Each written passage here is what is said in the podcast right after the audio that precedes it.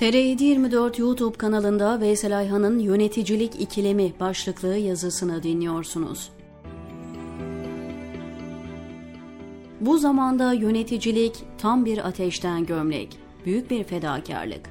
Ne kadar birikmiş öfke varsa onlara boca ediliyor. Geçmişten akılda kalan ne kadar kötü yönetici hatıramız varsa bugüne taşıyor ve şimdiki yöneticileri bunları yapabilecek veya yapmış makul şüpheliler olarak görüyoruz. Çoğu yönetici iş ortada kalmasın diye fedakarlıkla bu işleri yapıyor. Başta bunu dememek kadir naşinaslık olur. En önemli zorluk itaat paradigmasının değişmesi. Dediğim dedik dönemi kapandı gibi. Muhal farz yöneticide diktatörlük damarı olsa bile şartlar değişti. Alt kadrolar böyle bir yönetimi kabullenmeyecek ve yöneticiyi istişareye, çoğunluğun reyini kabule zorlayacak bir bilince ulaştı. Buna bağlı olarak çoğu yerde yöneticiler katılımcı bir idare için gayret gösteriyor. Lokal olarak sosyolojik bir geri kalmışlık yoksa durum böyle. Doğrusu da bu. Diktatörlüklerle yönetilen ülkelerin geri kalması bunun yanında istişareyle nitelikli çoğunluğun tercihiyle yönetilen demokratik ülkelerin ilerlemesi hizmetin de bulunması gereken zaruri yolu işaret ediyor. Şah ve yalnızca piyon hükmündeki oyunculardan oluşan yönetimlerin başarı ihtimali yok. Oyuncular arasında uyum, saygı ve disiplin yoksa takımda Messi bile olsa kaybetmek kaçınılmaz. Bu sebeple yönetimde istişare ve ehliyet vazgeçilmez birer unsur. Bir denetim mekanizması olsa bile işlerin kalite ve verimliliği alt kadroların uyumlu çabasına bağlı. Başarının anahtarı takım oyunuyla mümkün. Bu sebeple alınan kararlarda ve yapılacak tayinlerde eleştirel düşünce ve hakkı seslendirmek önemli bir unsur haline geliyor. Ama bunun kapalı kapılar ardında değil, toplantılarda şeffaf olarak yapılması kaydıyla. Yöneticilik bir zanaat değildir. Mesela öğretmenlik bir meslektir. Bir insan ömrü vefa ettikçe öğretmenlik yapabilir. Fakat bir meslek olmayan yöneticilik için aynı şey denemez. Öğretmenlik, doktorluk, mühendislik ve diğer meslekler yıpranmadan yapılabilecek mesleklerdir. Ölene kadar yapılabilir ama yöneticilik yıpratıcı bir iştir. Adil olarak yapmak oldukça zordur ve ayrıca güç sahibi olmayı beraberinde getirdiği için çürütücüdür. Demirde, çelikte bile metal yorgunluğu olabiliyor. Zamanla var olan durumu kanıksama ve değişime karşı olma refleksleri gelişiyor. Süre uzadığında yöneticinin çevresinde gruplaşmalar başlıyor. Hz. Ömer valilerin çevresinde ayrıcalıklı ve birbiriyle tanışıklık kurmuş bir sınıf oluşmaması için görev sürelerini yerine nasbedeceği insan bulabildiği ölçüde iki yılla sınırlamıştı. Bir vali iki yıl görev yapıyordu. ABD örneği bence güzel bir çözüm seçim söz konusuysa ikinci bir 4 yıl olabilir. Değilse 4 yıl optimum bir süre. Daha fazlasında 7. veya 8. yılda ilk yıllardaki performansı gösteren yönetici örneği Hz. Ömer'den başka kaç kişi sayabiliriz bilmiyorum. Dünyadaki yönetici örneklerine baktığımızda uzun süre yöneticilik yapıp da kendisinden geriye enkaz bırakmamış kimse yok. Bu durum hizmet için de sakınılacak bir durum olarak düşünülebilir. Peki şöyle düşünüyorsam, ben çok başarılı bir yöneticiyim. Niye değişeyim ki? Değişirsem bulunduğum müesseseye yazık olur. Bu varsayım yanlış. Ben çok iyiysem bir başka yere giderim, orası benden istifade eder. Kötüysem gidişimle müessese kurtulur. Böyle değişimler toplum içinde eğiticidir. Obama çapında bir başkanın 57 yaşında ayrılışı, Trump gibi birinin gelişi, sonra bir başkası. Bu iniş çıkışlar uzun vadede kötü netice doğurmaz.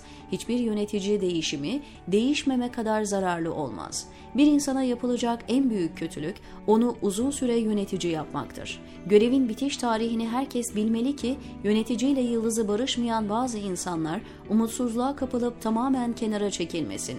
Bazıları da yöneticinin etrafına çelikten duvar örmesin. Görev süresi belli yılla sınırlandığında herkes bunu içselleştirebilir. İnsanlar zihnen kariyer planı yaparken tamam ben bu işi maksimum 4 veya 5 yıl yapacağım sonra da falan mesleğime döneceğim diye düşünür. Böyle olunca bir öğretmen 4 yıl müdür veya genel müdürlük yapar. Sonra tekrar öğretmenliğe döndüğünde bunu tenzili rütbe olarak düşünmez. Çevre de öyle telakki etmez. ideal yönetici, işini ciddiyetle yapan ama bunun yanında göz ucuyla görevi bırakacağı günü gözleyen ve yerine insan yetiştiren insandır. Hatta yerine insan yetiştirmeme, değişmek istemiyorum düşüncesinin de ürünü olabilir. Süreç bu yönüyle de öğretici oldu. Vaktiyle çok üst düzeyde görev yapan bir yöneticinin şimdi eşiyle beraber 7-8 yaşında çocuklara ders verdiğini öğrendim. Ne kadar güzel. Bir başka üst yöneticinin bir kurumda fahri olarak aşçılık yaptığını duydum. Bunlar o kadar sevindirici ki bana şu cümleyi hatırlattı.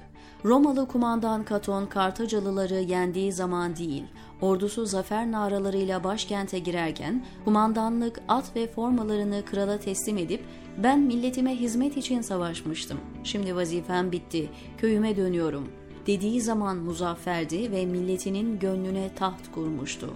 Ruhun Zaferi başyazı. Bir idareci birkaç çocuğa Kur'an öğretmeyi veya Risale okuyup izah etmeyi küçük görüyorsa ve hatta yöneticiliğe tercih etmiyorsa zaten nazar ve niyet problemi vardır. Uzun süre yapılan diğer idari işler, muhasebe, koordinasyon, organizasyon gibi işlerde benzer tehlikeler taşır.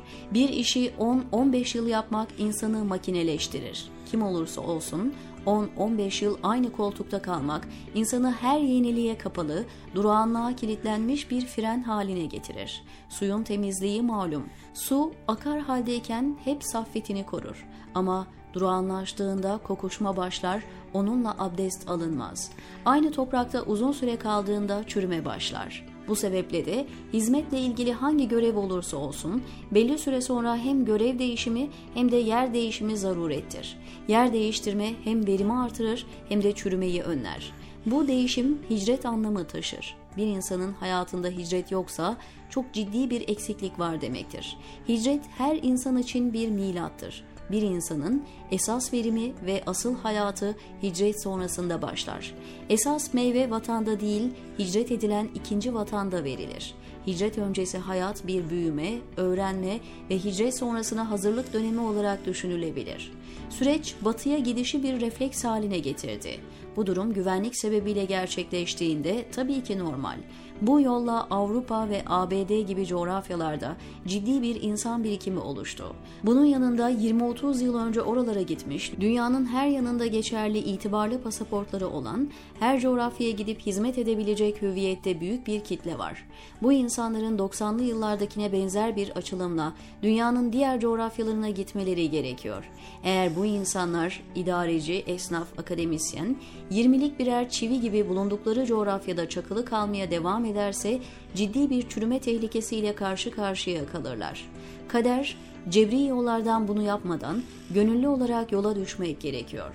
Tüm söylediklerim gözleme dayalı subjektif değerlendirmeler ama hemen hepsi tartışılması gerekli olan acil ve zaruri mevzular. Hizmet Hareketi'nin temel değerleri belgesi teorik planda ana esasları içeriyor. Daha önce ve bu yazıda ifade ettiğim konularda da bir takım disiplinler hazırlanması ve uygulamaya geçilmesi şart. Ayrıca hizmet hareketinin devlet, siyaset, iktidar, şer'i ahkam gibi konulardaki duruşuyla da ilgili referans metinler hazırlanması ve Hoca Efendi'nin farklı zamanlarda, farklı mecralarda kimi zaman ima ettiği, kimi zaman dokunup geçtiği hususların toplanıp elden gözden geçirilip net bir söylem oluşturulması gerekiyor. Sınırlar ve kırmızı çizgiler şimdiden net olarak çizilmezse yarın bir gün dileyen dilediği gibi hüsnü niyetle de olsa hizmet hareketine misyonu dışında elbise biçmeye kalkabilir, diyor Veysel Ayhan TR724'deki köşesinde.